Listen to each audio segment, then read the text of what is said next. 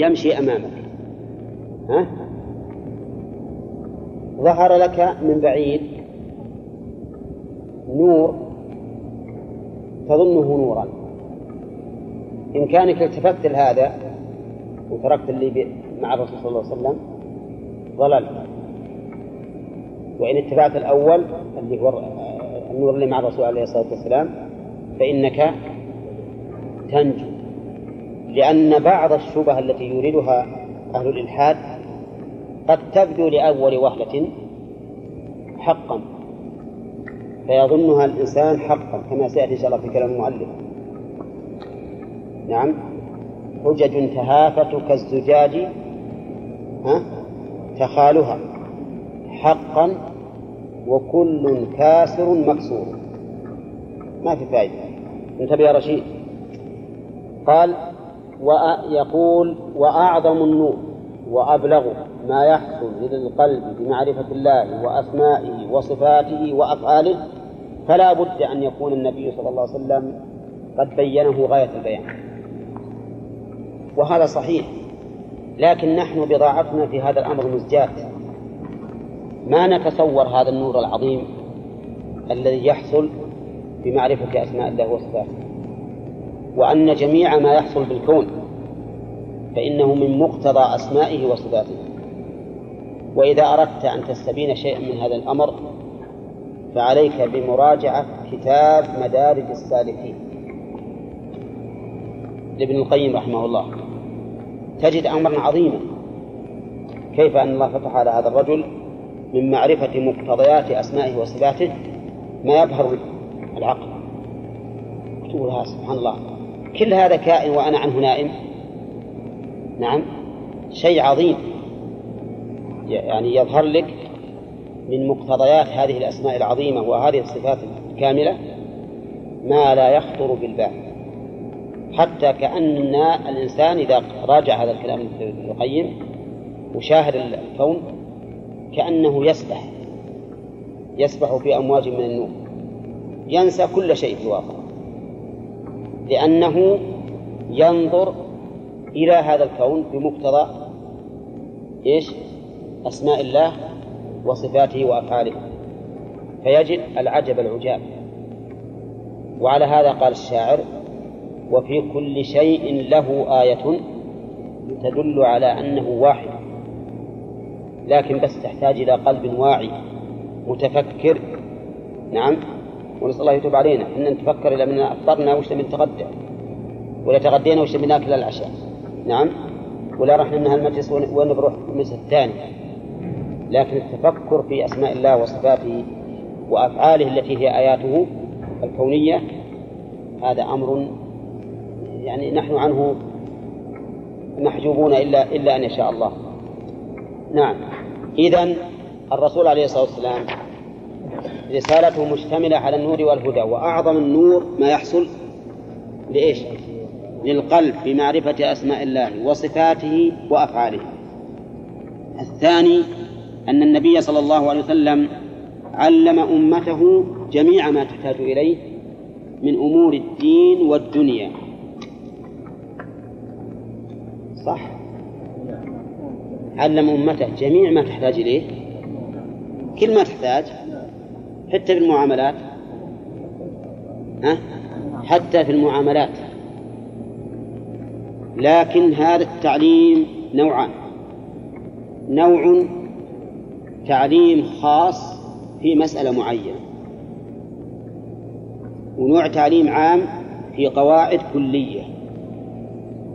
لأن حصر جزئيات المسائل أمر غير ممكن. ما هو غير ممكن بالنسبة إلى الله عز وجل. بالنسبة إلى الله الله بكل شيء عليم. لكن غير ممكن بالنسبة لاستيعابه من قبل البشر. ما ظنكم لو أنه ذكر في القرآن الكريم كل ما سيحدث في الدنيا من أمر وحكمه. كم يكون القرآن من مجلدات؟ ها؟ مجلدات ما تحصى. ولا يستطيع الإنسان أن يستوعبها. لكن الله جل وعلا جعل الشريعة نوعين. نوعا نص على حكمه بخصوصه وهذا الشيء الذي يحتاج الناس فيه إلى بيانه بعينه.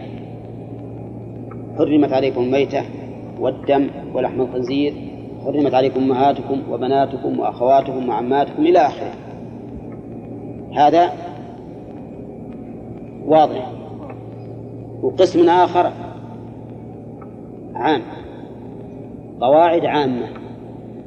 ما تختص بشيء معين. يدخل فيها من الجزئيات ما لا يعلمه إلا الله. وهذه الأخيرة هي التي يختلف فيها الناس اختلافا عظيما لأنها تتركز على الفهم وعلى معرفة القواعد والأصول الشرعية. قال أبو هريرة رضي الله عنه نهى النبي صلى الله عليه وسلم عن بيع الغرر. نهى عن بيع الغرر. وش يدخل في هذه القاعدة؟ ها؟ يدخل فيها من المسائل ما لا يحصيه إلا الله. تيجي مثلا التأمينات الاجتماعية نعرف حكمه من هذا الحديث. وقال قال الله تعالى في القرآن إنما الخمر والميسر والأنصاب والأزلام. الميسر كلمة عامة. ممكن نعرف فيها كل ما يحدث من هذه المقامرات وما أشبهها. وقال النبي عليه الصلاة والسلام إنما الأعمال بالنيات. وش يدخل في هذا الحديث؟ ها؟ كل الأعمال. كل الأعمال حتى مثلا نية التحليل في النكاح وحتى نية إبطال الشفعة في إيقاف المشفوع وغيره مما لا يدرك مما لا تدرك جزئياته والمهم أن الرسول عليه الصلاة والسلام علم أمته جميع ما تحتاج إليه من أمور الدين والدنيا حتى آداب الأكل والشرب والجلوس والمنام وغير ذلك. صح؟ آداب الأكل موجودة في القرآن والسنة. أولى توافقون في القرآن والسنة آداب الأكل طيب في القرآن؟ ها؟ كلوا واشربوا ولا تسرفوا ولا تأكلوا مما لم يكتب الله عليه. وإذا فإذا طعمتم فانتشروا. ولا مثلا إلى حديث. إذا واجب. فكل ما أمسكنا عليكم. أي نعم. في آداب الجلوس يا أيها الذين آمنوا إذا قيل لكم تفسحوا في المجالس فافسحوا يفسح الله لكم وإذا قيل انشزوا فانشزوا. كذلك أيضا في آداب المنام بين الرسول عليه الصلاة في آداب الشرب. في آداب الشرب في القرآن كلوا واشربوا ولا تسرفوا. والسنة بينت ذلك أيضا. فزجر النبي عليه الصلاة والسلام أن يشرب أن يشرب الرجل قائما. وأمر وشرب قائما النبي عليه الصلاة والسلام. شرب قائما. مرة شرب قائما من زمزم ومرة شرب قائما من شن معلق. الأول للحاجة والثاني للحاجة لكن الحاجة مختلفة. الأول الحاجة هو ضيق المكان. والثاني الحاجة عدم الوصول إلى الشرب. الشن المعلق ما يقدر الواحد يقعد ويشرب. كيف يشرب؟ البرادات نشوف حال. إن كانوا ما يمكنك نعم فلا حرج. ها؟ لكن بعضهم بكاس مربوط بسلسلة. قصيرة. على كل حال إن احتجت فلا حرج. الحمد لله الأمر في هذا طيب المنام المنام علمنا آداب المنام. ها؟ أي نعم قولية وفعلية. أمرنا أن ننام على الجنب الأيمن. أولى. طيب. أمرنا أن ننام متجهين إلى القبلة. ها؟ ما أمر. طيب لو تنا... لو تعارض الجنب الأيمن أو استقبال القبلة. الجنب الأيمن لأنه منصوص عليه. كذلك أيضا آداب الاستيقاظ آداب قضاء الحاجة. ولهذا قال رجل من المشركين لسلمان الفارسي علمكم نبيكم حتى القراءة حتى القراءة. قال أجل. كذا؟ علمنا أيضا آداب معاشرة الزوجة. ولا لا؟ الحمد لله. إذا ما ترك شيء. ونزلنا عليك الكتاب تبيانا لكل شيء. إما بنفس الكتاب أو بالسنة التي هي مكملة للكتاب. نعم. يجوز أن يقال أن الشرع أجمل لأجل يظهر أثر الاجتهاد.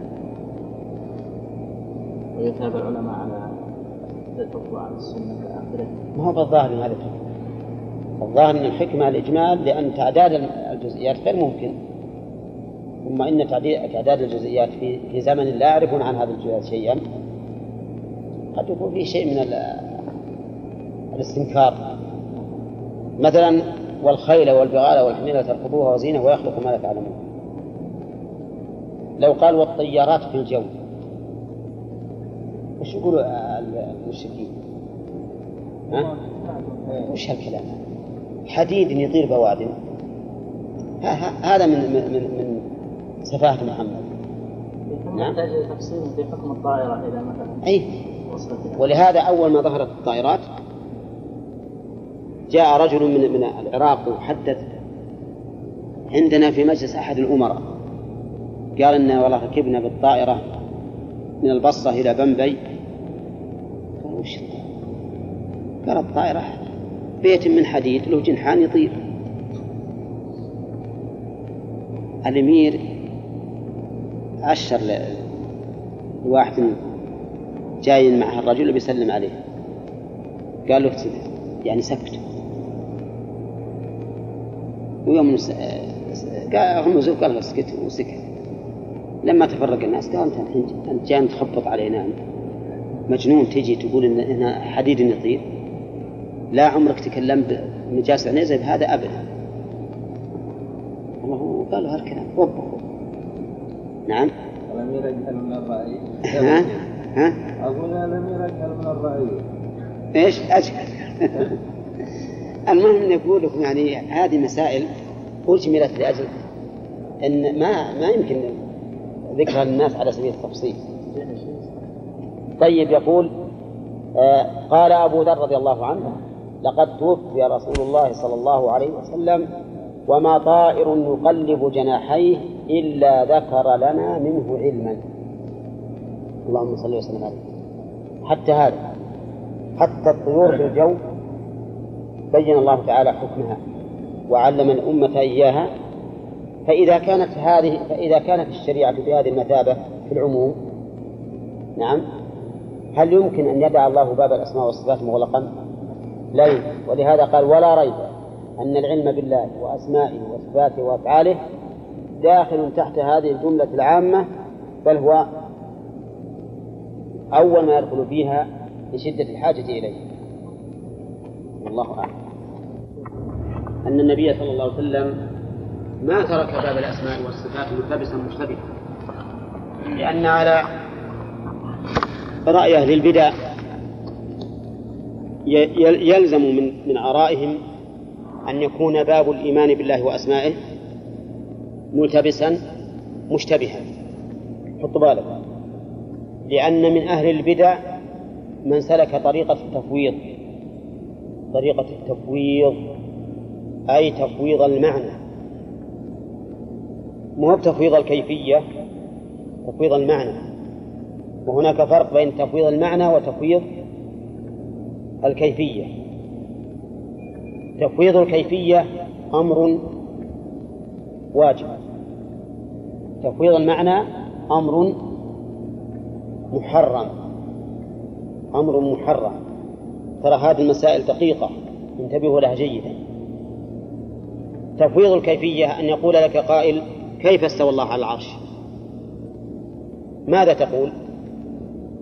الله أعلم. الله أعلم كيف استوى. لأن الكيف مجهول. تفويض المعنى أن يقول لك ما معنى استوى الله على العرش؟ تقول الله أعلم؟ لا ما يجوز والله أعلم. يعني ما يجوز ما لأنك لقيت الله أعلم في هذا معناه أنك ما تعلم أنت. ما الله أعلم ما في شك ما أحد يقول الله مو أعلم لكن إذا قلت الله أعلم معناه أنك لا لا تعلم معنى الاستواء. والاستواء الاستواء معلوم الاستواء معلوم.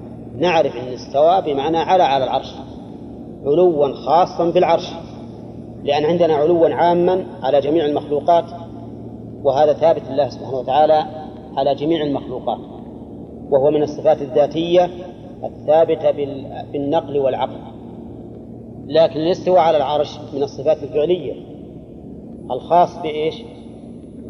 بالعرش.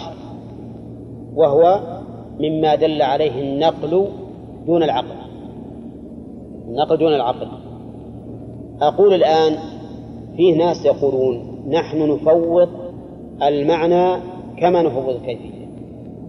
وهؤلاء من؟ هؤلاء أهل التفويض.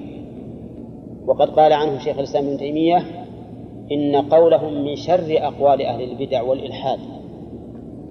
مع العلم بأن كثيرا من المصنفين يقولون إن هذا هو مذهب أهل السنة والجماعة. وهذا خطأ مو صحيح. هذا ليس مذهب أهل السنة والجماعة بل هم متبرئون منه. طيب فيه من يقول إن صفات الله عز وجل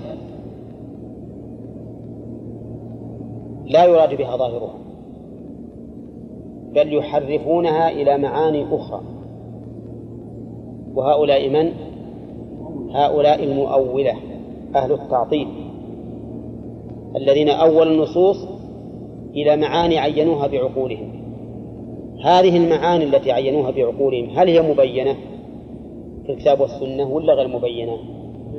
غير مبينة إذا يلزم على قول أهل التفويض وعلى قول أهل التأويل أن تكون أسماء الله وصفاته غير مبينة لا في الكتاب ولا في السنة وحنا ذكرنا هذه الأوجه من كلام شيخ الإسلام في الحموية رحمه الله ليتبين بذلك أن العلم بأسماء الله وصفاته وأفعاله موجود في الكتاب والسنة ولا لا؟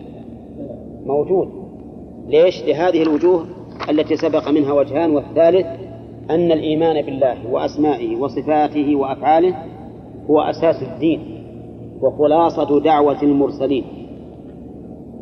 لأن الله يقول وما أرسلنا من قبلك من رسول إلا نوحي إليه أنه لا إله إلا أنا فاعبدون هذا هو الأساس. أن نعرف الله بأسمائه وصفاته وأفعاله ونوحده بذلك.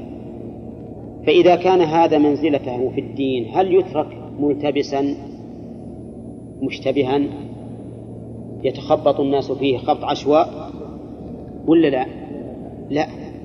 إذا كان الرسول عليه الصلاة والسلام علمك كيف تدخل الخلاء وكيف تخرج منه وكيف تجلس على الخلاء وكيف تأكل وكيف تشرب وكيف تنام وكيف تجلس هذه المسائل بالنسبة لأصول الدين وش ها؟ لا شيء.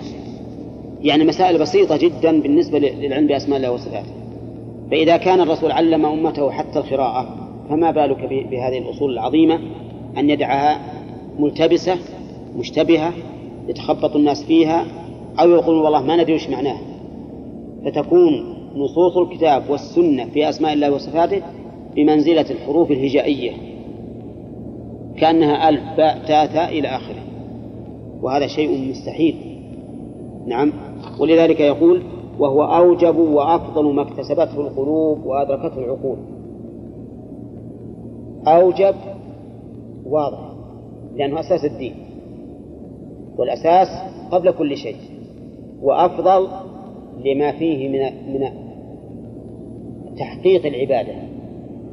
لأنه ما يمكن تحقق عبادة الله على الوجه الأكمل حتى تعرفه بأسمائه وصفاته. وكيف تعبد من لا تعرف أسماءه وصفاته؟ نعم.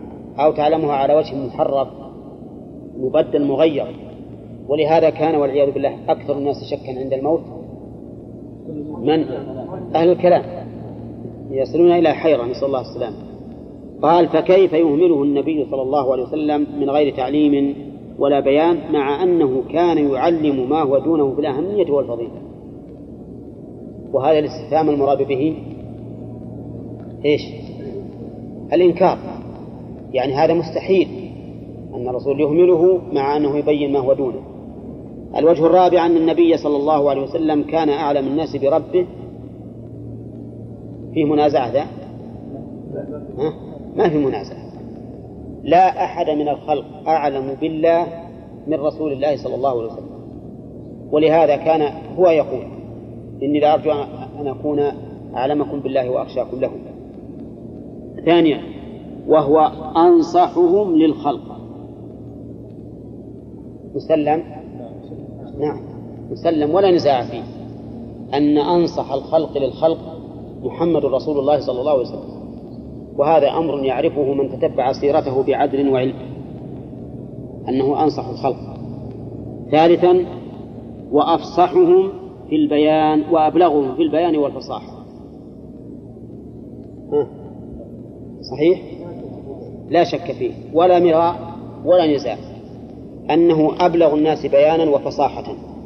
نعم. وقد قرأتم في علم البلاغة وش معنى البيان والفصاحة؟ فلا أحد أفصح من النبي عليه الصلاة والسلام ولا أوضح كلاما منه. اجتمع في كلامه الآن ثلاثة أمور كمال العلم وكمال النصح وكمال البيان. فهمتم؟ مع وجود هذا المقتضى التام وهو أنه عالم بربه ناصح لخلقه بليغ بلسانه. هذا المقتضى التام للبيان. هل يمكن أن يتخلف عنه البيان؟ ها؟ لا. لأن الرسول يعلم وناصح للخلق وفصيح في لسانه. لا يمكن مع هذا المقتضى التام للبيان أن يترك باب الإيمان بالله وأسمائه وصفاته ملتبسا مشتبها. بلا شك. هل يعقل أن النبي صلى الله عليه وسلم يترك باب أسماء الله وصفاته ملتبسا مشتبها؟ ثم يأتي أفراخ الروم واليونان نعم من الجهمية وغيرهم ويبينون الحق في أسماء الله وصفاته؟ غير ممكن. هؤلاء يقولون حنا اللي بين الحق. الرسول عليه الصلاة والسلام أطلق هذه الألفاظ ولا علم الناس معناها. ونحن الذين بينا معناها للناس. وقلنا لهم استوى على العرش يعني استولى عليه وقلنا لهم يد الله أي قوته ونعمته. والرسول ما بين. نحن المبينون. وأما الرسول صلى الله عليه وسلم فترك الأمر ملتبسا مشتبها. أعتقد أن هذا لا يعقل. أليس كذلك؟ هذا أمر لا يعقل. إذن هذا الوجه هذا الوجه يعود إلى أهمية هذا الباب أو إلى حال النبي صلى الله عليه وسلم. ها؟ يعود إلى حال النبي صلى الله عليه وسلم. أنها أكمل الأحوال اقتضاء للبيان. الوجوه كم؟ ها؟ أربعة أو ثلاثة. العلم والنصح والبلاغة. العلم والنصح والبلاغة كلها مجتمعة في حق النبي عليه الصلاة والسلام فلا بد أن يبين. طيب تخلف البيان للأمة يكون من جهل الإنسان. الجاهل ما يمكن يعلم؟ أولا ويكون من عدم النصح لأنه قد يكون الإنسان عالم لكن ما ما ينصح للناس ما يبين لهم الحق. كذا ولا لا؟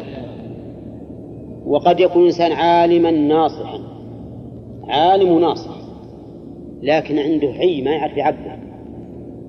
فلا يصور المعنى للناس بالصورة الكافية التي تجعلهم يفهمون الحق. أولى. مو واقع هذا؟ واقع. يجي إنسان عنده علم وعنده نص لكن ما يعرف يعبر عن علمه الذي أعطاه الله إياه فلا يكون مبينا للناس. لا يكون مبينا للناس. لكن رسول الله عليه الصلاة والسلام كان عنده تمام العلم والنصح والبلاغ. فبين البلاء البيان المبين صلى الله عليه وسلم. الخامس وشدوا حيلكم لها. باعتبار حال الصحابة. أن الصحابة رضي الله عنهم لا بد أن يكونوا قائلين بالحق في هذا الباب. ضرورة عقلية. الصحابة رضي الله عنهم لا بد أن يكونوا قائلين بالحق في هذا الباب. ونعني بالباب إيش؟ باب الأسماء والصفات. لا بد أن يكون أن يكونوا قائلين بالحق فيه. طيب هذه دعوة. الآن أنا ادعيت أن الصحابة لا بد أن يكونوا قائلين بالحق في هذا الباب. هذه دعوة وكل دعوة تحتاج إلى بينة. البينة اسمها لأن ضد ذلك إما السكوت وإما القول بالباطل وكلاهما ممتنع عليه. أحوال الصحابة لا تخلو من ثلاث إما أن يقولوا بالحق أو يسكتوا عنه والثالث أو يقولوا بالباطل. إما أن يقولوا بالحق أو يسكتوا لا عن حق ولا عن باطل أو يقولوا بالباطل. سكوتهم عن بيان الحق ممكن لا يمكن. والنبي عليه الصلاة والسلام قد شهد لهم بأنهم خير القرون. وشهد لهم التاريخ أيضا بأنهم أنصح عباد الله بعد الرسل لعباد الله. أليس هكذا؟ طيب إذا كانوا أنصح الناس وأعلم الناس بالشريعة يمكن يسكتون عن الحق. طيب يمكن يقولون بالباطل؟ حسين ما يمكن؟ طيب ما يمكن يقولون بالباطل؟ وش يتعين؟ ها؟ يتعين أن يقولوا بالحق. لأنه إذا كانت القسمة العقلية تنحصر في ثلاثة أمور فانتفى اثنان ها؟ لزم الثالث. إذا قلت لك الجيم تحتها نقطة والخاء فوقها نقطة والحاء ها؟ ما عليه نقطة. لازم. نعم؟ لأن المتتبع للشكل يجد النقط فوق ولا تحت. ما فيه نقطة على اليمين وعلى اليسار. واللسان يقول يمكن تكون النقطة على يمين الحاء ولا على يسارها وهذا ما يمكن. فإذا نقول إنه إذا بطل اثنان تعين الثالث. طيب. امتناع السكوت ما وجهه؟ وجهه أن السكوت إما أن يكون عن جهل منهم بما يجب لله تعالى من الأسماء والصفات وما يجوز عليه منها ويمتنع وإما أن يكون عن علم منهم بذلك لكن كتموه وكل منهما ممتنع. والله هذه أدلة عقلية. أسأل الله يعين وياكم على فهم السكوت ممتنع عليهم سكوت الصحابة عن بيان الحق في أسماء الله وصفاته ممتنع. لماذا؟ لماذا يمتنع؟ لأن السكوت يقول إما أن يكون عن جهل وإما أن يكون عن كتمان. السكوت يعني كونهم يسكتون عن بيان الحق في أسماء الله وصفاته ليش سكتوا؟ ما حد يسكت عن بيان الحق إلا إما أنه جاهل ولا كاتب. إما جاهل بالحق ولا يقدر يتكلم بما هو جاهل فيه. وإما كاتم للحق مع علمه به. ويعلم الحق لكن كتمه. وهذا ممتنع على الصحابة ولا لا؟ ها؟ تقولون ذلك كما تقول الببغاء ولا عن معرفة؟ ها؟ عن معرفة. نعم. هم ليس كتمان الحق ولكن كما مغيرة بعض بعض الأشياء يعني في وجه إحنا نتكلم عن أسماء الله وصفاته بارك الله فيك؟ نعم. يعني إحنا نتكلم عن أسماء الله وصفاته؟ ما إحنا نتكلم عن مسألة فردية. ومن عمل واحد فردي. نتكلم عن معرفة عن أسماء الله وصفاته. وبالنسبة لعموم الصحابة. أما سكوت بعضهم عن مسألة فردية لخوف محذور فهذا قد يمكن وأخ- وأخيرا ما يم... لا بد أن يبينوا أيضا. في النهاية لا بد أن يبين لا يتركونها كما فعل معاذ رضي الله عنه فأخبر بالحديث بعد عند موته. طيب الآن نقول ما يمكن. ليش؟ أما امتناع الجهل امتناع الجهل على الصحابة بأسماء الله وصفاته فلأنه لا يمكن لأي قلب فيه حياة ووعي وطلب للعلم ونهمة في العبادة إلا أن يكون أكبر همه هو البحث في الإيمان بالله تعالى وصفاته. نعم ومعرفته بأسمائه وصفاته وتحقيق ذلك وتحقيق ذلك علما واعتقادا كل إنسان فيه حياة في قلبه حياة ومحبة للعلم ونهمة في العبادة. أول ما يبي يبحث عن إيش؟ عن معرفة أسماء الله وصفاته. وقد تقولون لي إن هذا يكذبه الواقع. لأن حنا والحمد لله نحب العلم وفي قلوبنا نهمة للعبادة ومع ذلك ما إحنا بندرس علم التوحيد بأسماء الله وصفاته. ها؟ وش نقول؟ نقول لأن عندنا ولا حمد منه عندنا منه شيء كثير نحن نشأنا على الإسلام ومن أول ما نشأنا ونحن نعرف ربنا وإن كنا ما نعرف على سبيل التفصيل لكن على سبيل الإجمال الصغير منهم الصغير تقول وين ربك؟ ها؟ يقول بالسماء أي واحد صغير حتى يعني بمجرد ما يحصل له التمييز يقول ربي في السماء. نعم؟ ولا ولا فوق. نعم؟ وما أشبه ذلك. مما يدل على أن الفطرة مغروزة فيه. فنحن والحمد لله عندنا شيء كثير من معرفة هذا. لكن إنسان جاهل ما عاش في الإسلام وعنده رغبة في العبادة لابد أن يبحث عن هذا الإله قبل لأجل أن يبني عقيدته على شيء.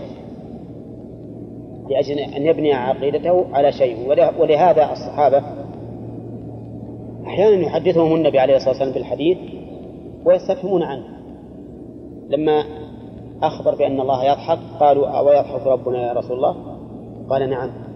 قال لن نعدم من رب يضحك خيرا. ولما سألوه أقريب ربنا فنناجيه؟ أم بعيد فنناديه؟ أنزل الله؟ وإذا سألك عبادي عني. على خلاف في صحة هذا السبب.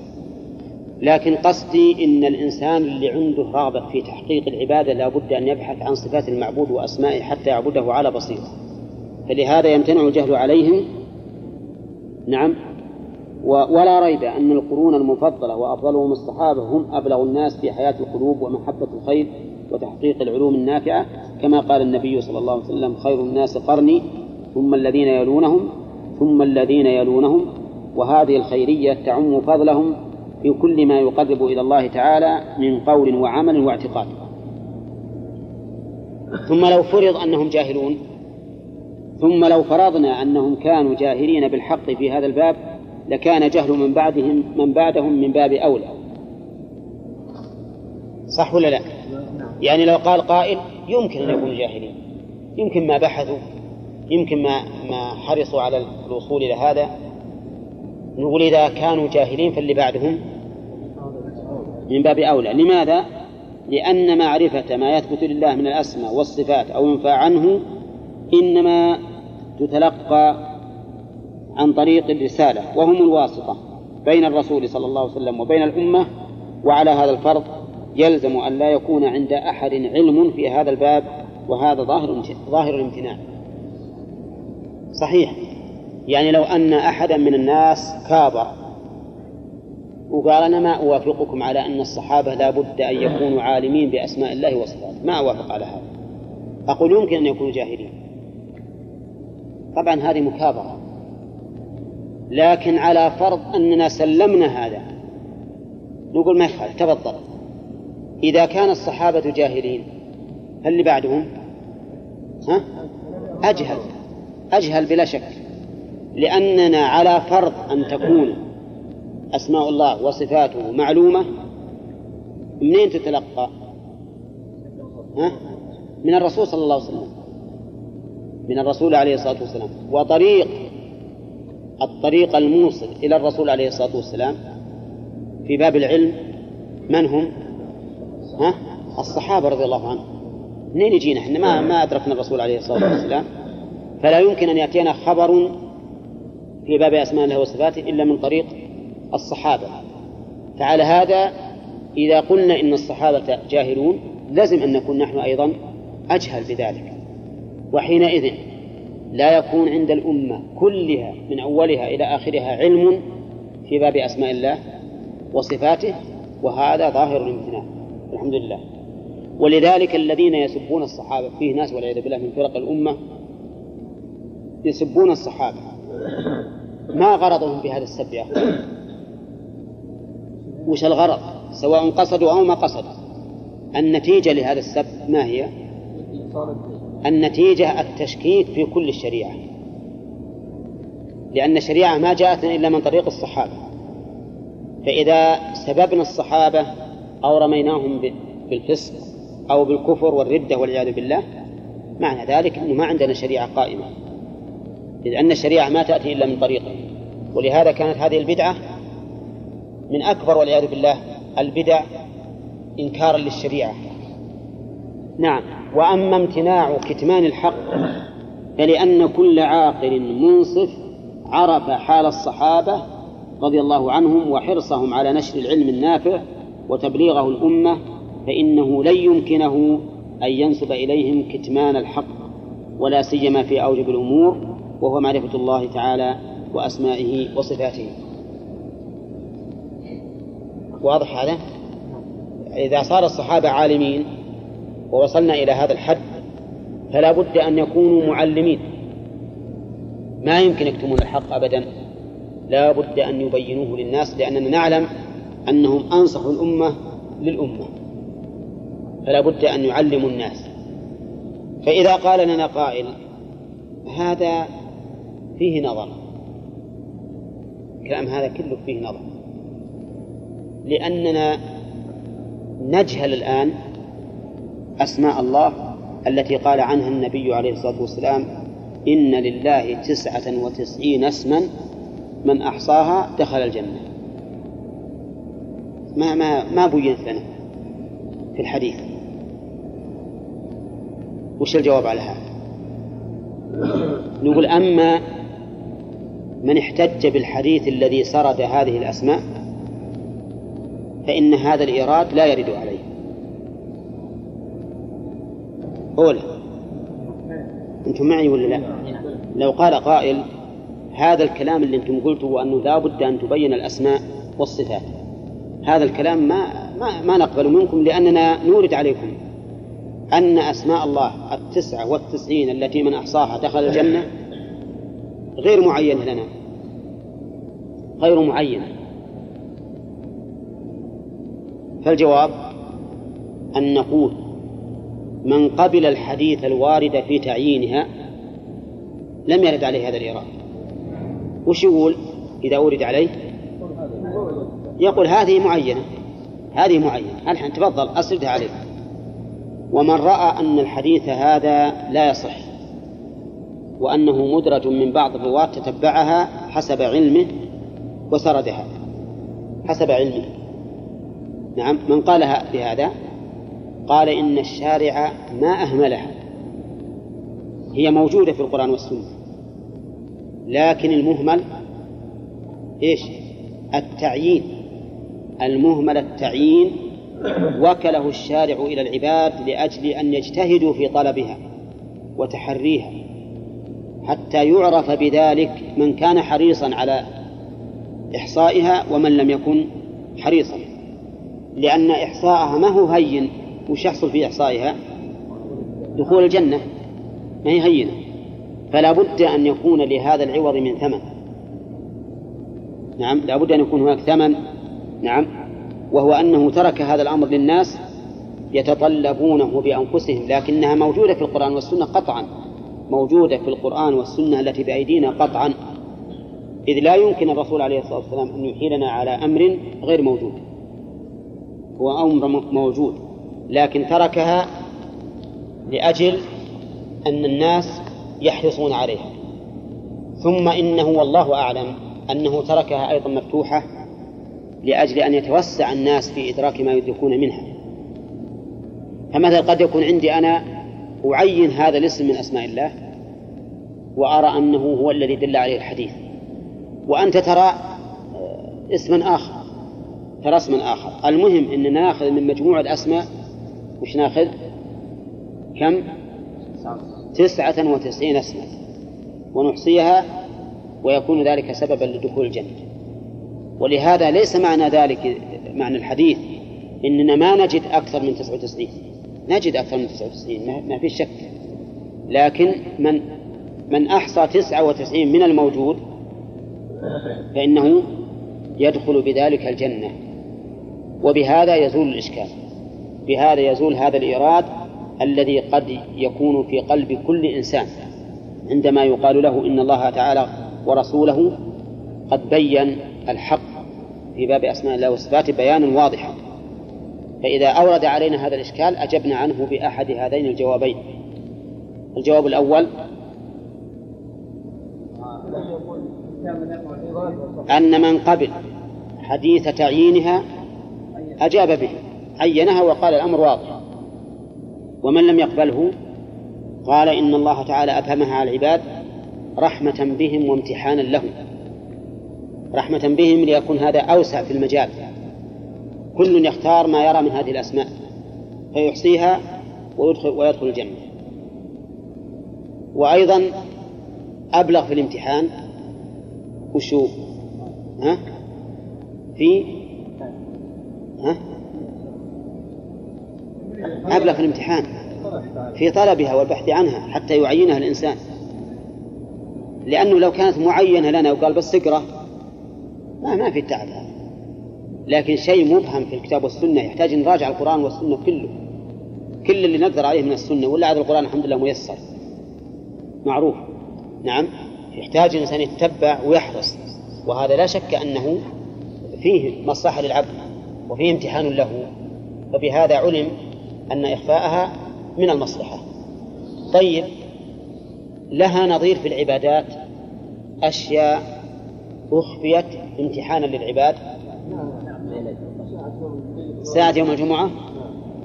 وليلة القدر. ساعة يوم الجمعة وليلة القدر مبهمة. امتحانا للعباد. لأنه لو عينت ما حرص الناس إلا في هذه الليلة أو في هذه الساعة. وفاتهم خير كثير. أرأيتم الآن لو كانت ليلة القدر معينة في ليلة 27 كم يفوت الناس من من قيام الليل والعمل؟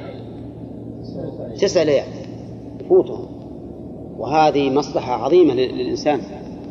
والحقيقة أننا لا نحس بهذه المصلحة في زيادة تسع ليال لنا نجتهد فيها بالعمل. لا نحس بهذه المصلحة إلا إذا حضر الأجل. إذا حضر الأجل قال الإنسان ليتني عملت. الآن كلش برخص كل شيء برخص نعم؟ الدراهم موجودة كثيرة أكياس. ما يهم الواحد ياخذ ريال ويرميه. لكن كلما قلت الدراهم كانت ها؟ كانت أغلى. وحنا بالعكس الله يخلف علينا. كل ما زدنا في السنين هانت هان علينا ضياع الأيام. لكن إذا إذا انتهت الدراهم وش هو الواحد؟ يا ليتي ليتي محتفظ بالدراهم. ليتي ما ضيعتها. هكذا الله حكيم جل وعلا يشرع لعباده هذه الأمور ويخفيها لمصلحتهم. وفي نفس الوقت امتحانا للعباد.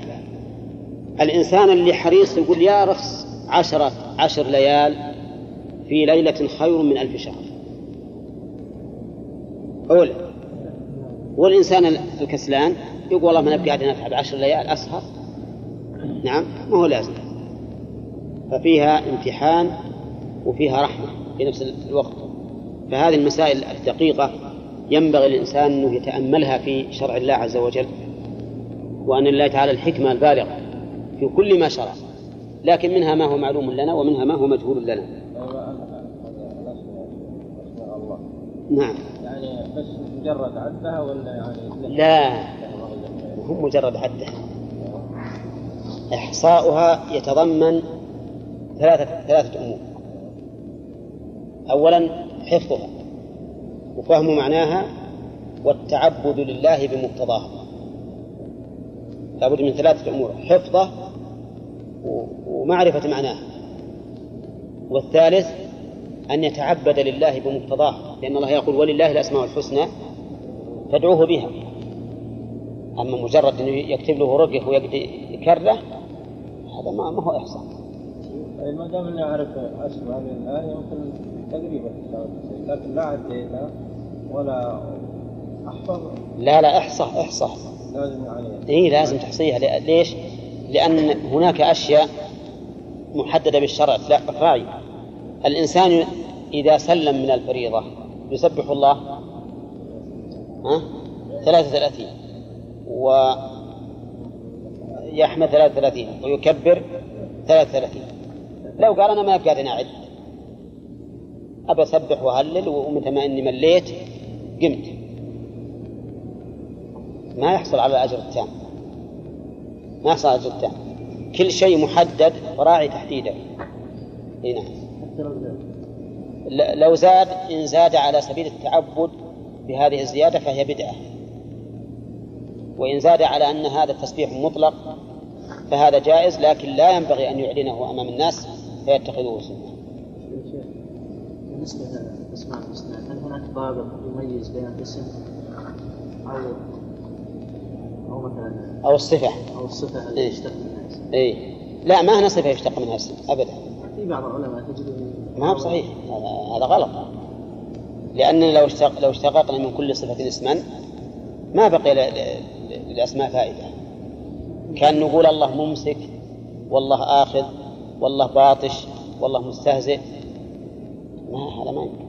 في بعض العلماء مثل العربي إيه؟ وصل إلى أنه قال رابع وثلاثة. خمسة ثلاثة وأربعة ورابع. إيه؟ لا خل هذه هذه صفة هذه صفة صفة نعم. في هذا الباب. ولماذا؟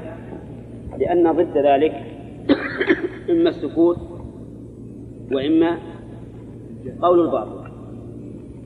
وكلاهما ممتنع على الصحابة.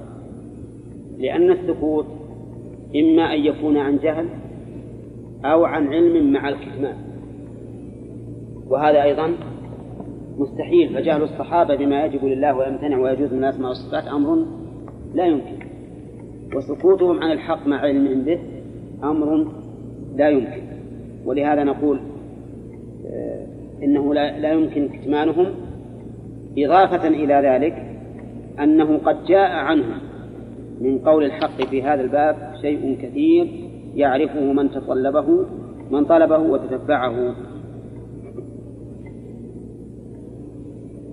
ولكن مع هذا لم يأتي عنهم في باب الصفات مثل ما أتى عن التابعين ومن بعد. لأن الناس لم يتكلموا في عهد الصحابة في الصفات كما تكلموا فيما بعد. فإن بدعة الجهمية أول ما ظهرت على يد الجهم بن صفوان ثم على يد الجاد بن درهم ثم الجهم بن صفوان. وذلك بعد انقراض عصر الصحابة رضي الله عنهم. فدل هذا على أن الصحابة لهم كلام كثير في باب الأسماء والصفات لكنه بالنسبة إلى كلام من بعدهم قليل الخلاصة يا أخواننا نقول الصحابة لا بد أن يكونوا قائلين بالحق في هذا الباب. وش الدليل على هذه القاعدة؟ لأن ضد قول الحق إما السكوت أو القول بالباطل. اللي ما قال بالحق معناه هم ساكت ولا قائل بالباطل. السكوت ممتنع على الصحابة. يعني يمتنع أن يسكتوا في هذا الباب لأن الباب من أهم الأمور فيمتنع أن يسكتوا لماذا يمتنع؟ لأنه يقول السكوت وش المانع؟ وش الذي يوجبه؟ السكوت لا يوجبه إلا السكوت عن الحق لا يوجبه إلا واحد من أمرين ما هما؟ إما الجهل به أو الكتمان وإنسان عالم لكن يكتم وهذان أيضا ممتنعان على الصحابة رضي الله عنهم كما تقدم تقريره ثم إننا نقول ضد هذا الأمر ضد السكوت أنه وجد عنه من الكلام في هذا الباب شيء كثير. طيب وأما امتناع القول بالباطل عليهم فمن وجهين. أحدهما أن الباطل لا يمكن أن يقوم عليه دليل صحيح. أولا يعني لا يمكن أن يقوم عليه أي على صحته. دليل صحيح. أما على بطلانه؟ ها؟ فيمكن أن يقوم عليه دليل صحيح. لكن كلامنا القول بالباطل ما يمكن أن يكون أن يقوم دليل عليه على القول بالباطل وأنه حق. ومن المعلوم أن الصحابة رضي الله عنهم أبعد الناس عن القول فيما لم يقم عليه دليل صحيح خصوصا في أمر الإيمان بالله تعالى وأمور الغيب فهم أولى الناس بامتثال قوله تعالى إلى آخره الصحابة أبعد الناس عن القول فيما لم يقم عليه دليل صحيح لا سيما في أمر الإيمان بالله واليوم الآخر. لأن هذا من أمور الغيبة التي ما يمكن يتكلم فيها الإنسان إلا بحق. لقوله تعالى ولا تقف ما ليس لك به علم. إيش معنى لا تقفه لا تتبعه فتقول به. وقوله قل إنما حرم ربي الفواحش ما ظهر منها وما بطن والإثم والبغي بغير الحق وأن تشركوا بالله ما ينزل به سلطانا وأن تقولوا على الله ما لا تعلمون. الشاهد في الجملة الأخيرة وأن تقولوا على الله ما لا تعلمون. ثانيهما أن القول بالباطل إما أن يكون مصدره الجهل بالحق وإما أن يكون مصدره إرادة ضلال الخلق وكلاهما ممتنع في حق الصحابة رضي الله عنهم أما امتناع الجهل فقد تقدم بيانه. قول. طيب.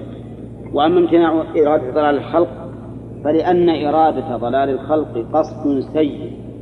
لا يمكن أن يصدر من الصحابة الذين عرفوا بتمام النصح للأمة ومحبة الخير له نعم. ما يمكن الصحابة يقولون بالباطل لأجل أن يضلوا الناس. لأن معروف من حالهم أنهم يحبون الخير وأنهم أنصحوا الخلق للأمة. أنصحوا الخلق يعني بعد الرسل للأمة. فلا يمكن مع هذا أن يريدوا إضلال الخلق. قال ثم لو جاز عليهم سوء القصد فيما قالوه في هذا الباب لجاز عليهم سوء القصد فيما يقولونه في سائر أبواب العلم والدين. يعني لو قلنا أن الصحابة يمكن أن يقول في هذا الباب بالباطل ليضلوا الخلق. أفلا يمكن أن نقول؟ وإذا ربما يقولون في غير هذا الباب في باب العبادات مثلا. بالباطل ليضلوا الناس عن سبيل الله. فإذا جوزنا هذا وهذا أنه يجوز أن يقول بالباطل في باب العقائد وفي باب العبادات الظاهرة. حينئذ نعدم الثقة بأي شيء؟ بكل ما يقولونه في الشريعة. وهذا يؤدي بلا ريب إلى بطلان الشريعة رأسا ولهذا قال لعدم الثقة بأقوالهم وأخبارهم في هذا الباب وغيره وهذا من أفضل الأقوال لأنه يستلزم القدح في الشريعة كلها. وإذا تبين أن الصحابة رضي الله عنهم لا بد أن يكونوا قائلين بالحق في هذا الباب فإننا نقول إما أن يكونوا قائلين بذلك بعقولهم أو عن طريق الوحي. هذا آخر المراحل. يقول الآن بعد أن تقرر عندنا أن الصحابة رضي الله عنهم لا بد أن يكونوا قائلين بالحق في باب الأسماء والصفات. فمن أين جاءهم هذا الحق؟ نقول هذا لا يخلو من أحد طريقين. إما أنه جاءهم عن الرسول عليه الصلاة والسلام أو جاءهم عن طريق العقل. هم فكروا وقال يجب لله كذا ويجب لله كذا. ومن المعلوم والأول ممتنع. وش هو الأول؟ القول بالعقول بأنه بطريق العقل. لأن العقل لا يدرك تفاصيل ما يجب لله تعالى من صفات الكمال فتعين الثاني وهو أن يكونوا تلقوا هذه العلوم عن طريق رسالة النبي صلى الله عليه وسلم. فيلزم على هذا أن يكون النبي صلى الله عليه وسلم قد بين الحق في أسماء الله وصفاته وهذا هو المطلوب. هذا وإن كان طويل حوالي صفه ونصف تقريبا لكنه مفيد جدا لطالب العلم لأنه كله حجج عقلية منطقية تعلم بالتتبع والاستقراء بأن الحال ما تخرج عن كذا أو كذا فإذا بطل واحد تعين الثاني كل هذا الكلام مؤداه وفائدته ومحط الفائدة منه أن الذي بين الحق في أسماء الله وصفاته من؟ النبي صلى الله عليه وسلم والذي بين الحق وتكلم الصحابة به من بعده وهذا هو المطلوب. ثم قال الباب الثالث في طريقة في طريقة أهل السنة والجماعة في أسماء الله وصفاته. أولا أهل السنة والجماعة من هم؟ قال هم الذين اجتمعوا على الأخذ بسنة النبي صلى الله عليه وسلم. اجتمعوا ولهذا سموا جماعة. وعلى سنة ولهذا سموا أهل السنة. والعمل بها ظاهرا وباطنا في القول والعمل والاعتقاد. هؤلاء هم أهل السنة الذين اجتمعوا على الأخذ بسنة الرسول عليه الصلاة والسلام وعلى العمل بها ظاهرا وباطنا في العقيدة والقول والعمل. قال وطريقتهم في أسماء الله وصفاته كما يأتي. أولا في الإثبات وثانيا في النفي وثالثا فيما لم يرد نفيه ولا إثباته. في الإثبات أي ما, ما ورد إثباته لله عز وجل فيقول طريقتهم إثبات ما أثبته الله لنفسه في كتابه أو على لسان رسوله صلى الله عليه وسلم من غير تحريف ولا تعطيل ومن غير تكييف ولا تنفيذ. هذه طريقتهم في الإثبات. يثبتون ما أثبته الله لنفسه في القرآن. مثل الاستواء على العرش والعلو واليد والوجه والعينين وما أشبه ذلك. يثبتون أن الله عز وجل يقول آه، من غير تحريف ولا تعطيل ومن غير تكييف ولا تمثيل من غير تحريف التحريف هو أن يحرف اللفظ إما عن النطق وإما عن المعنى. يحرف إما بالنطق أو بالمعنى. فالتحريف بالنطق مثل ما ذكروا عن بعض المبتدعة والعياذ بالله أنه قرأ قوله تعالى وكلم الله موسى تكليما. فقال وكلم الله موسى تكليما. كلم الله. وش غلط في هذا؟ أن يكون الكلام من موسى لا من الله. وكذلك من غير تعطيل. التعطيل معناه منع النص من دلالته. منع النص من دلالته. ويشمل هذا منع من منعه من دلالته وصرفه إلى غيره ومن منعه من دلالته ولم يصرفه إلى غيره. لأن الناس بالنسبة للنصوص في الصفات منهم من منع دلالته على على مراد الله ولكن ما أثبت له معنى.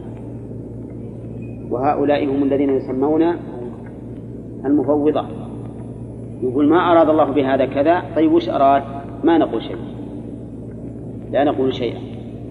ومنهم من قال إن الله ما أراد كذا وإنما أراد كذا. وهؤلاء هم أهل التأويل لكننا نقول لهم في الحق أهل التحريف لأنهم حرفوا الكلام عن معناه. ومنهم من قال إن الله تعالى أراد به كذا وكذا مما يوافق ظاهر الكلام. وهؤلاء أهل السنة والجماعة. ومن غير تكييف ولا تمثيل. طيب من غير تكييف ولا تمثيل معنى تكييف ذكر الكيفية وسيأتي تعريفها في باب مستقل. والتمثيل ذات مماثل فإذا قال قائل هذه الأمور الأربعة التي نزه أهل السنة والجماعة عقيدتهم عنها فيها شيء موجود في القرآن وفيها شيء غير موجود. من غير تحريف موجود في القرآن؟ يعني موجود دم الذين يحرفون الكلام عن مواضعه؟ موجود. فقولنا تحريف مطابق لما جاء به القرآن. ولا تعطيل. في القرآن تعطيل ذكر تعطيل بهذا اللفظ أو هذه المادة. ها؟ لا. لكن فيه ما يشير إليه. إنا جعلناه قرآنا عربيا لعلكم تعقلون. والذي يقول إن الله ما أراد كذا أو إنما أراد كذا ما عقل الكلام على معناه. طيب من غير تكييف موجود؟ لا. لا تكييف موجود. لكنه موجود عن السلف. كما قالوا في العبارة المشهورة أمروها كما جاءت بلا كيف. فهو موجود عن عن عن السلف. ولا تمثيل موجود في القرآن؟ نعم موجود في القرآن. فلا تضربوا لله الأمثال وليس كمثله شيء وهو السميع البصير. طيب في النفي فطريقتهم نفي ما نفى الله عن نفسه في كتابه أو على لسان رسوله صلى الله عليه وسلم مع اعتقادهم ثبوت كمال ضده لله تعالى. ما نفاه الله عن نفسه يقول نعم ننفيه عن الله. لكن نعتقد مع النفي ثبوت كمال ضده فيقولون مثلا إن الله لا يظلم ولا يظلم ربك أحدا. لكن فننفي الظلم عن الله. ولكن مع ذلك نثبت كمال عدله. نقول إن الله تعالى خلق السماوات والأرض ولم يعي بخلقهن. ما تعب ولا تئم. ها؟ لكمال قوته وهكذا. وأما في فيما لم يرد نفيه ولا إثباته فيقول مما تنازع فيه الناس كالجسم والحيز والجهة ونحو ذلك فطريقتهم فيه التوقف في لفظه. فلا يثبتونه ولا ينفونه لعدم ورود ذلك. وأما معناه فيستفصلون عنه فإن أريد به باطل ينزه الله عنه ردوه وإن, وإن أريد به حق لا يمتنع الله قبلوه في أشياء صارت مثارا للنقاش بين بين الناس. ما ورد بها نص. مثل الجسم والحيض والجهة ونحو ذلك. فهل نقول إن لله جسم؟ ها؟ هل نقول ليس لله جسم؟ ولا نقول لا من حيث اللفظ ما نثبته ولا ننفيه لا نثبته ولا ننفيه من حيث اللفظ لكن من حيث المعنى نستفصل عن معناه ولهذا يقول فطريقتهم التوقف في لفظه فلا يثبتونه ولا ينفونه وأما معناه فيستفصلون عنه. نقول ماذا تريد بالجسم؟ إن أردت بالجسم الشيء المركب من لحم ودم وعظم المفتقر جزءه إلى إلى كله وما أشبه ذلك فهذا بالنسبة إلى الله. ها؟ ممتنع الله عز وجل. وإن أردت بالجسم الذات المتصف بما, بما يليق به فهو حق. فإن لله ذاتا متصفة بالكمال. نعم. وعليه فنقول هذا حق. لكن إياك أن تقول إن الله جسم أو أن تقول إن الله ليس بجسم لأنه قد يكون حقا قد لأنه كما رأيت فيه حق وفيه باطل. فإن أثبت أوهمت الباطل وإن نفيت أوهمت نفي الحق فلا يجوز عليك الإثبات ولا النفي. كذلك الحيز تقول هل لله حيز أو هل الله في حيز أو ما أشبه ذلك. نقول ماذا تريد بالحيز إن أردت بالحيز أنه سبحانه وتعالى مباين للمخلوقات منحاز عنها منفصل فهذا حق ولا باطل؟ حق لأن الله تعالى مباين للمخلوقات لا ليس حالا فيها ولا حالة فيها. وإن أردت بالحيز أن الأشياء تحوز كما تقول مثلا ملكي في حيز ما بين الجبل والوادي. نعم. فهذا حق ولا باطل؟ باطل. فننكره. فلما كان الحيز لفظا مجملا يحتمل حقا وباطلا قلنا لا يجوز لك إطلاقه على الله ولا نفيه عنه حتى تستفصل. كذلك الجهة إذا قال إن الله في جهة ولا في غير جهة؟ ها؟ إي نعم نستفصل لا يجوز نقول في جهة ولا في غير جهة. لأننا إن أطلقنا ربما يتوهم الإحاطة. يعني إحاطة الأشياء بالله. وإن نفينا ربما يفهم منه مذهب النفاة القائلين بأن الله تعالى ليس في داخل العالم ولا خارجه ولا فوق ولا متصل إلى آخره. فنقول أما لفظ الجهة فلا نثبته ولا ننفيه. ولكن معناه؟ نستفصل عنه. إن أردت بالجهة جهة سفل. فهو؟ منزه عن ذلك ولا يجوز. إن أردت جهة علو تحيط به. فهو أيضا منزه عنه. إن أردت جهة علو لا تحيط بالله فإن هذا حق. فإن الله تعالى في العلو بدليل أن النبي عليه الصلاة والسلام كان يرفع يديه إلى السماء وكان سأل الجارح أين الله فقالت في السماء فقال أعتقها فإنها مؤمنة. والله أعلم. ولكنه في أثناء الله. أولا اعلم أن أهل السنة كما قال المؤلف هم الذين اجتمعوا على الأخذ بسنة النبي صلى الله عليه وسلم والعمل بها ظاهرا وباطنا. في القول والعمل والاعتقاد. هؤلاء هم أهل السنة. ولهذا سميناهم أهل السنة والجماعة. أهل السنة والجماعة. والجماعة في الأصل هو الاجتماع باللغة العربية معناه الاجتماع. ولكنه نقل من هذا المعنى إلى القوم المجتمعين. إلى القوم المجتمعين. إذا أهل السنة والجماعة هم الذين اجتمعوا على الأخذ بسنة الرسول صلى الله عليه وسلم. ولهذا سميناهم أهل السنة لأخذهم بالسنة.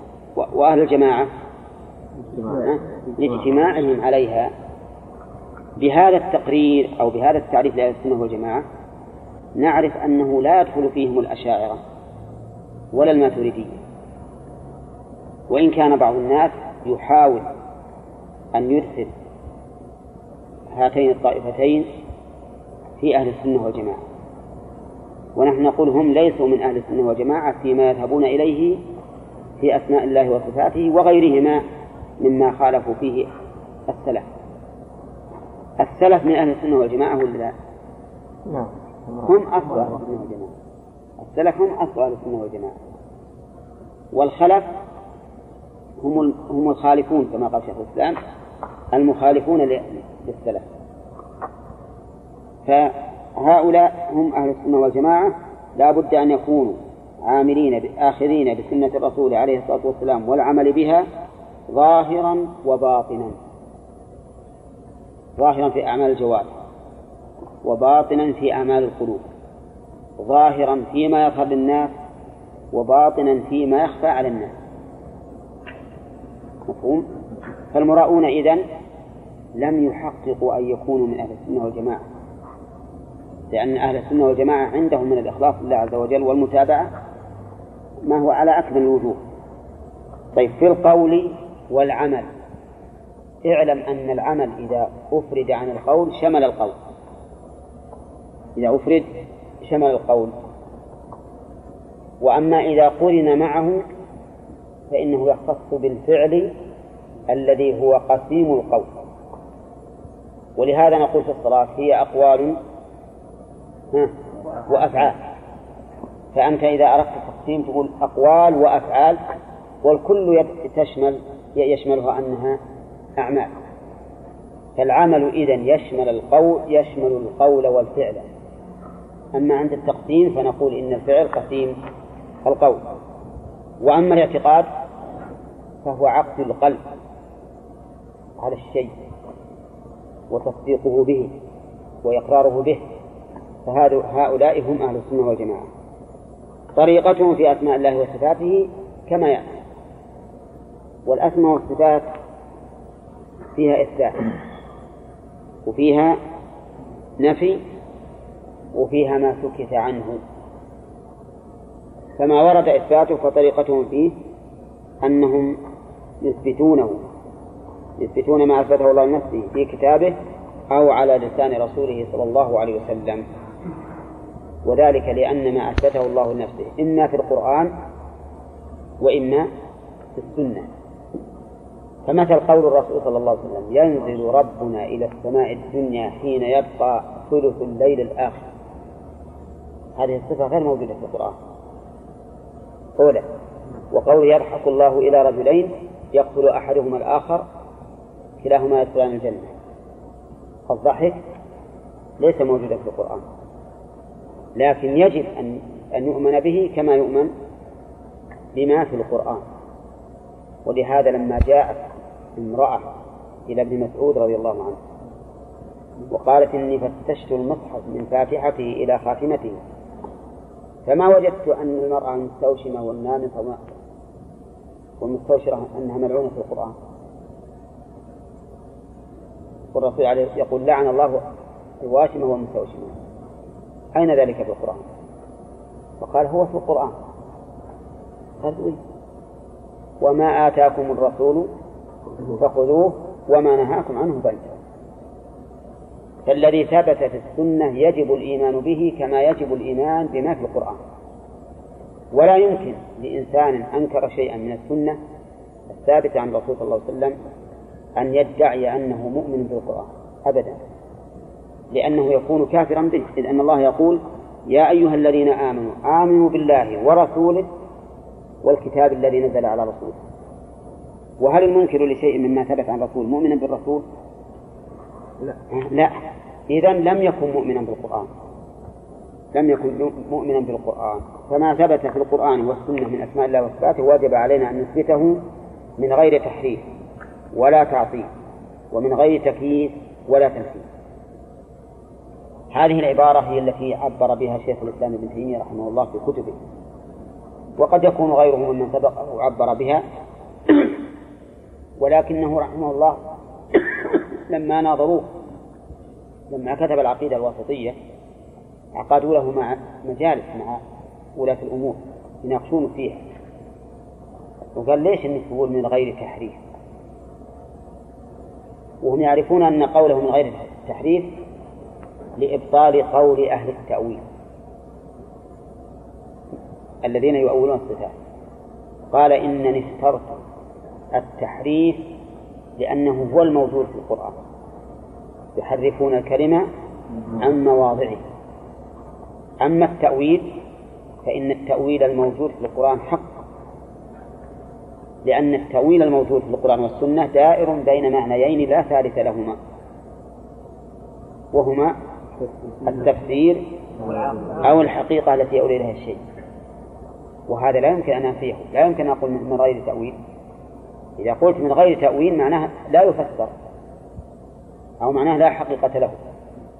فأنا قلت من غير تحريف لأن هذا أي صرف اللفظ عن ظاهره بدون دليل يعتبر تحريف من تحريف الكلمة عن مواضعه ولا شك أن كلمة تحريف أشد وقعا على أهل التأويل من كلمة تأويل. أليس كذلك؟ لأنه قد يقبل أن تقول أنت مؤول لكن لا يقبل أن تقول أنت محرف نعم. ولا تعطيل ومن غير تكييف ولا تمثيل وهذه المعاني ما نشرحها لأن لها شرح في الكتاب نفسه. أما في النفي فطريقتهم نفي ما نفى الله عن نفسه في كتابه أو على لسان رسوله صلى الله عليه وسلم نعم مع مع اعتقادهم ثبوت كمال ضده. أهل السنة والجماعة يؤمنون بما نفى الله عن نفسه فينفونه عنه. لكن هل هم يقتصرون على مجرد النفي؟ لا. بل هم ينفونه لكمال ضده عندهم. فقوله تعالى ولا يظلم ربك أحدا ليس معناه أنه لا يظلم فقط لكن لا يظلم لماذا؟ لكمال عدله. وما مسنا من لغوب ها ما مسنا من تعب وعياء لكمال قوته. وما كان الله ليعجزه من شيء في السماوات ولا في الأرض لكمال نعم ونزيد أيضا علمه وقدرته. لأن الله قال وما كان الله ليعجزه من شيء في السماوات ولا في الأرض إنه كان عليما قديرا. لأن العاجز تفوته القدرة لأحد سببين.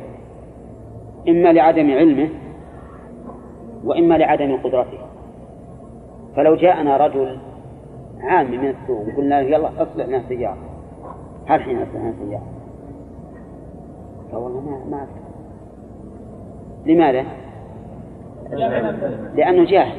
لا يقول أنا أقدر. جيبوا لي بس مسامير وورون وأسدكم ويقدر يركب لكن ما يدري وش يركب نعم. يمكن يحط الدركسون عجلة كفرت تمشي عليها السيارة مثلا. فهذا الرجل لا يصير لماذا؟ لعدم علمه. نعم.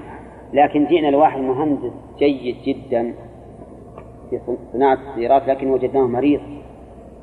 قلنا له يلا قم اصنع السيارة. يقول ما أقدر. عاد لعدم قدرته. ولهذا قال الله عز وجل إنه كان عليما قديرا. طيب وما الله بغافل عما تعملون؟ بغافل هذه نفي, نفي. لماذا؟ لكمال علمه ومراقبته. نعم. فعلى كل حال كل ما نفى الله عن نفسه من الصفات أو نفاه عنه رسوله عليه الصلاة والسلام فإنما ذلك لكمال الضد لا لمجرد النفي. نعم.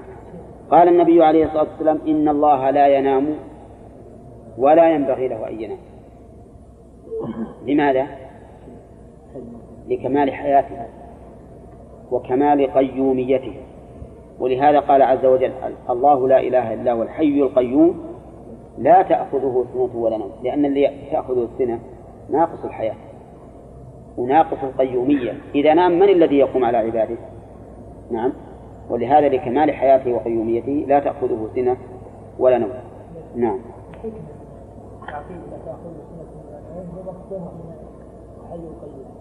لا. ما لأن هذا لبيان لبيان كمال هاتين الصفتين. يعني صفتان كاملتان. لا يمكن أن يلحقهما نقص.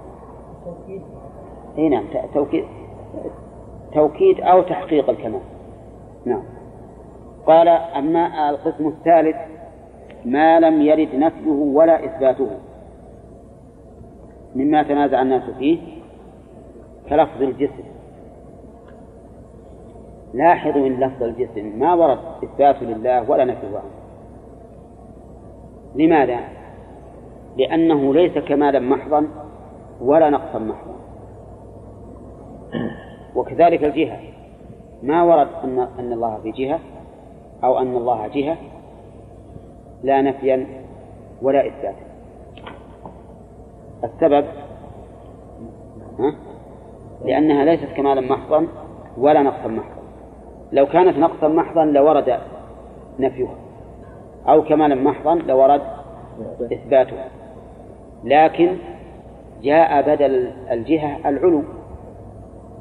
العلو كمال محض فأثبته الله لنفسه. كذلك الحيز هل الله في حيز مثلا؟ هل الله متحيز هذه الكلمات الثلاث أكثر ما يدندن أهل التعطيل عليها. يقول لك مثلا إذا أثبتت أن الله مستو على العرش استواء حقيقيا بمعنى العلو عليه لازم من ذلك التمثيل. كيف؟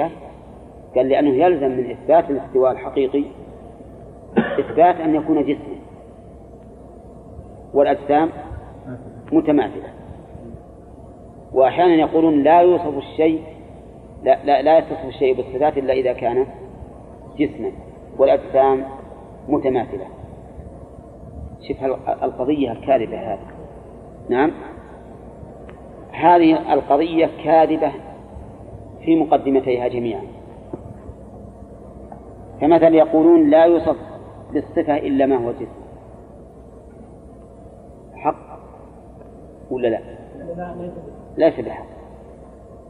بل توصف الأعراض كما توصف الأجسام صلي ركعتين كانت على وضوء. صلي ركعتين. تقول مثلا هذا يوم طويل وهذا حر شديد وهذا مرض مزمن وما أشبه ذلك. وهي أعراض ولا أجسام؟ أعراض.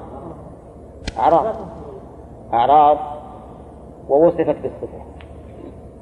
وفي وكذلك أيضا قولهم إن الأجسام متماثلة. هذا صحيح؟ لا. ها؟ هذا أيضا كذب.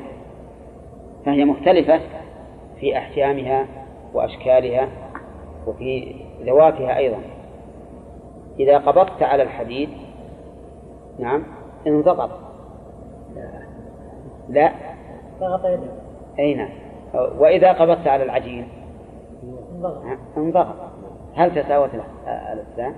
ما تتساوى فهم يلبسون على العامة على عامة الناس. عامة الناس ما يعرفون.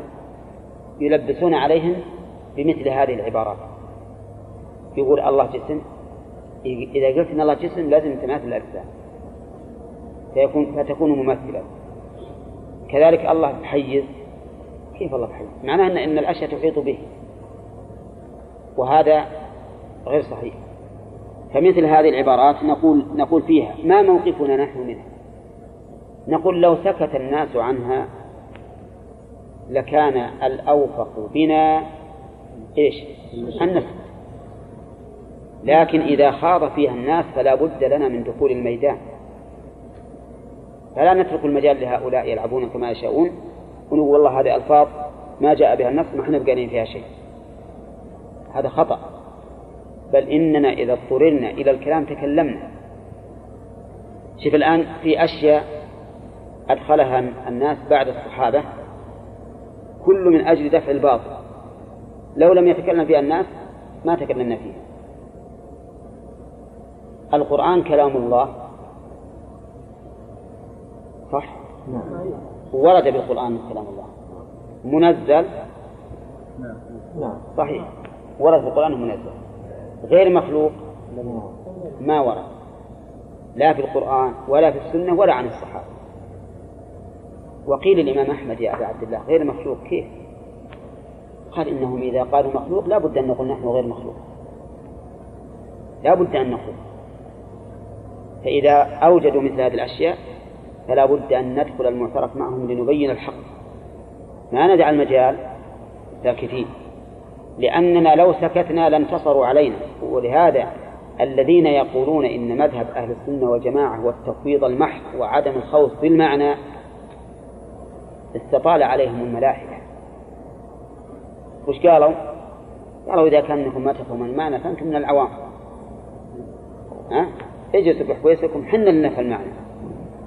المراد كذا وكذا وراحوا يفسرون لأن اللي يعلم المعنى خير من الذي الذي يجهل. عامي فالحاصل أقول الذي لم يرد إثباته ولا نفيه ماذا نقول فيه؟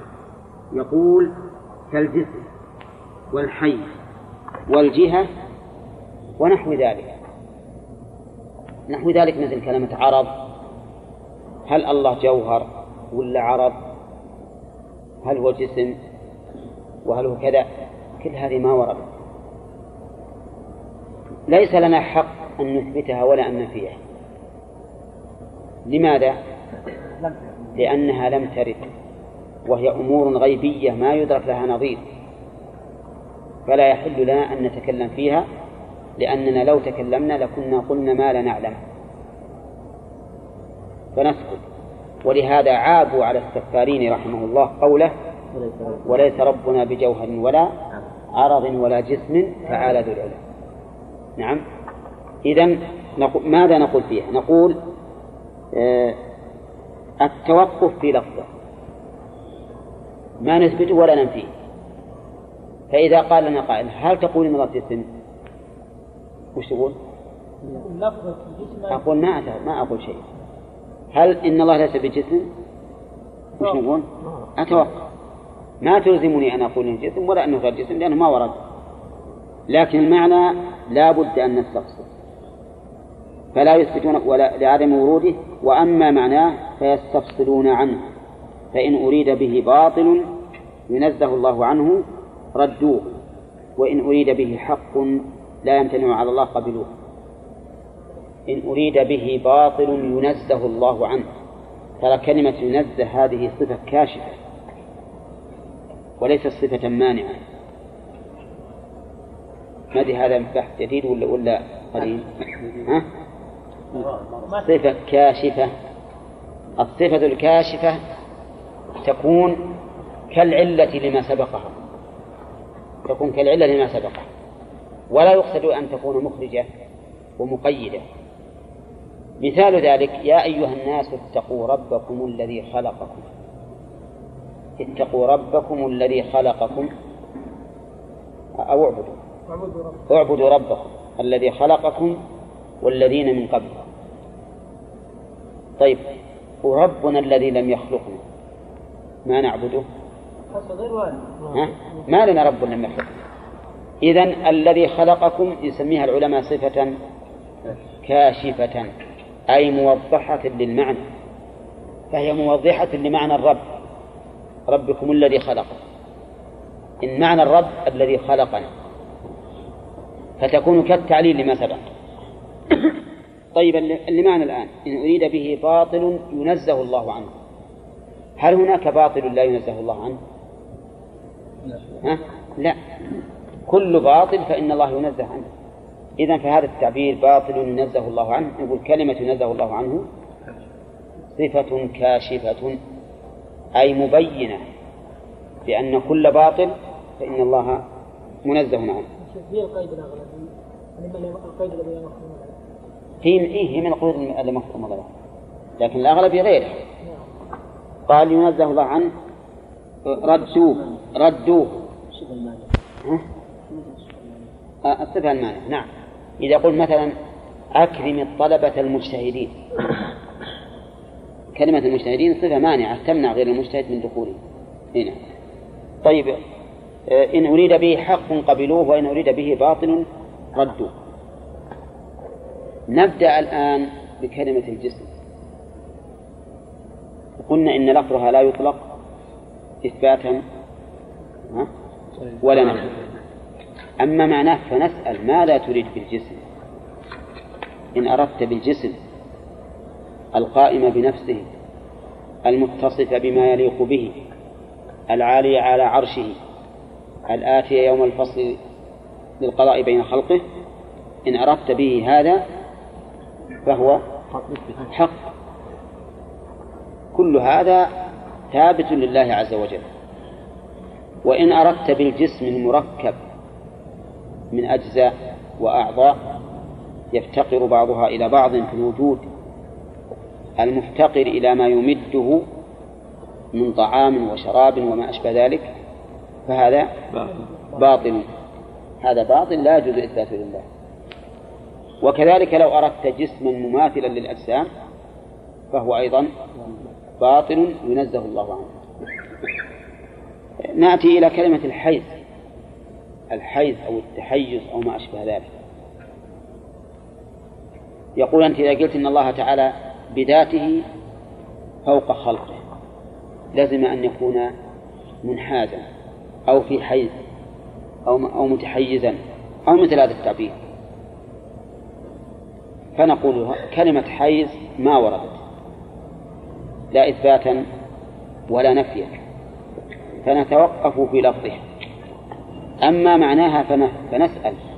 إن أردت بالحيز أن الله عز وجل تحوزه المخلوقات وتحيط به فهذا باطل ممتنع على الله عز وجل. وإن أردت بكلمة حيز أنه منحاز عن المخلوقات بائن منها فهذا حق فهذا حق. فهذا الشيء لأنكم الآن لو لو تطلعون كتب المعتزلة أو الأشعرية وجدتم يلزم من ذلك التحيز. يلزم من إثبات كذا أن يكون متحيزا وما أشبه ذلك.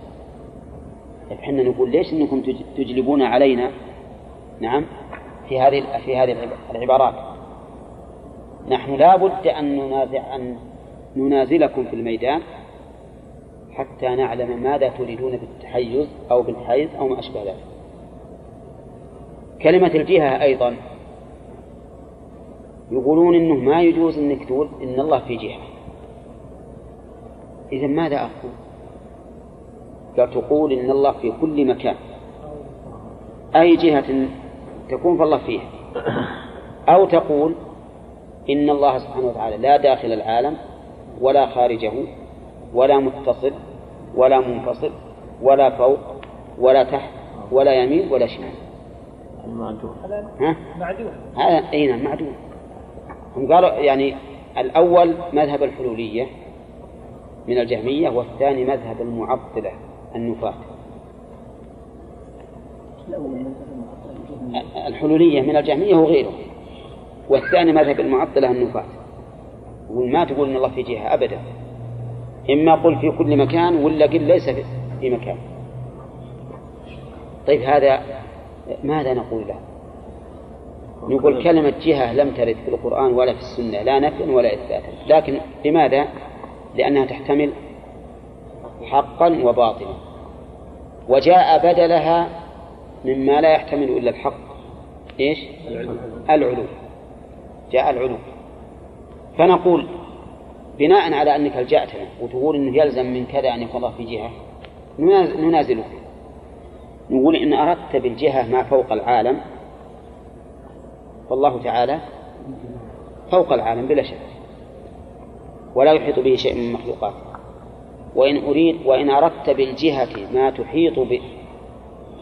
بالشيء إحاطة الظرف بمظروفه. هذا باطل فهذا باطل فإذا أردت أن الله في جهة يعني في مكان يحيط بالله عز وجل كإحاطة الظرف بالمظروف فهذا باطل ولا يمكن أن يتصف الله به. لأن الله تعالى أعظم من أن يحيط به شيء من مخلوقاته. والسماوات السبع والأراضون السبع في كف الرحمن كخردلة في كف أحدنا وقد وسع كرسيه السماوات والأرض وكرسيه موضع قدميه ومن كان هذا عظمته فإنه لا يمكن أن يكون في جهة تحيط به. واضح الآن؟ فإذا نستفصل في المعنى ونقول إن أردت كذا فهو حق إن أردت كذا فهو باطل. أما بالنسبة لللفظ فإننا لا نتكلم به إثباتا ولا نفيا لأن ذلك لم يرد في القرآن لا إثبات ولا نفي. وهذه الأشياء التي مثلنا بها يمثل بها الشيخ الإسلام ابن تيمية لأنها هي ديدن أهل التعطيل. كل ما أرادوا ينكرون الصفة قالوا هذا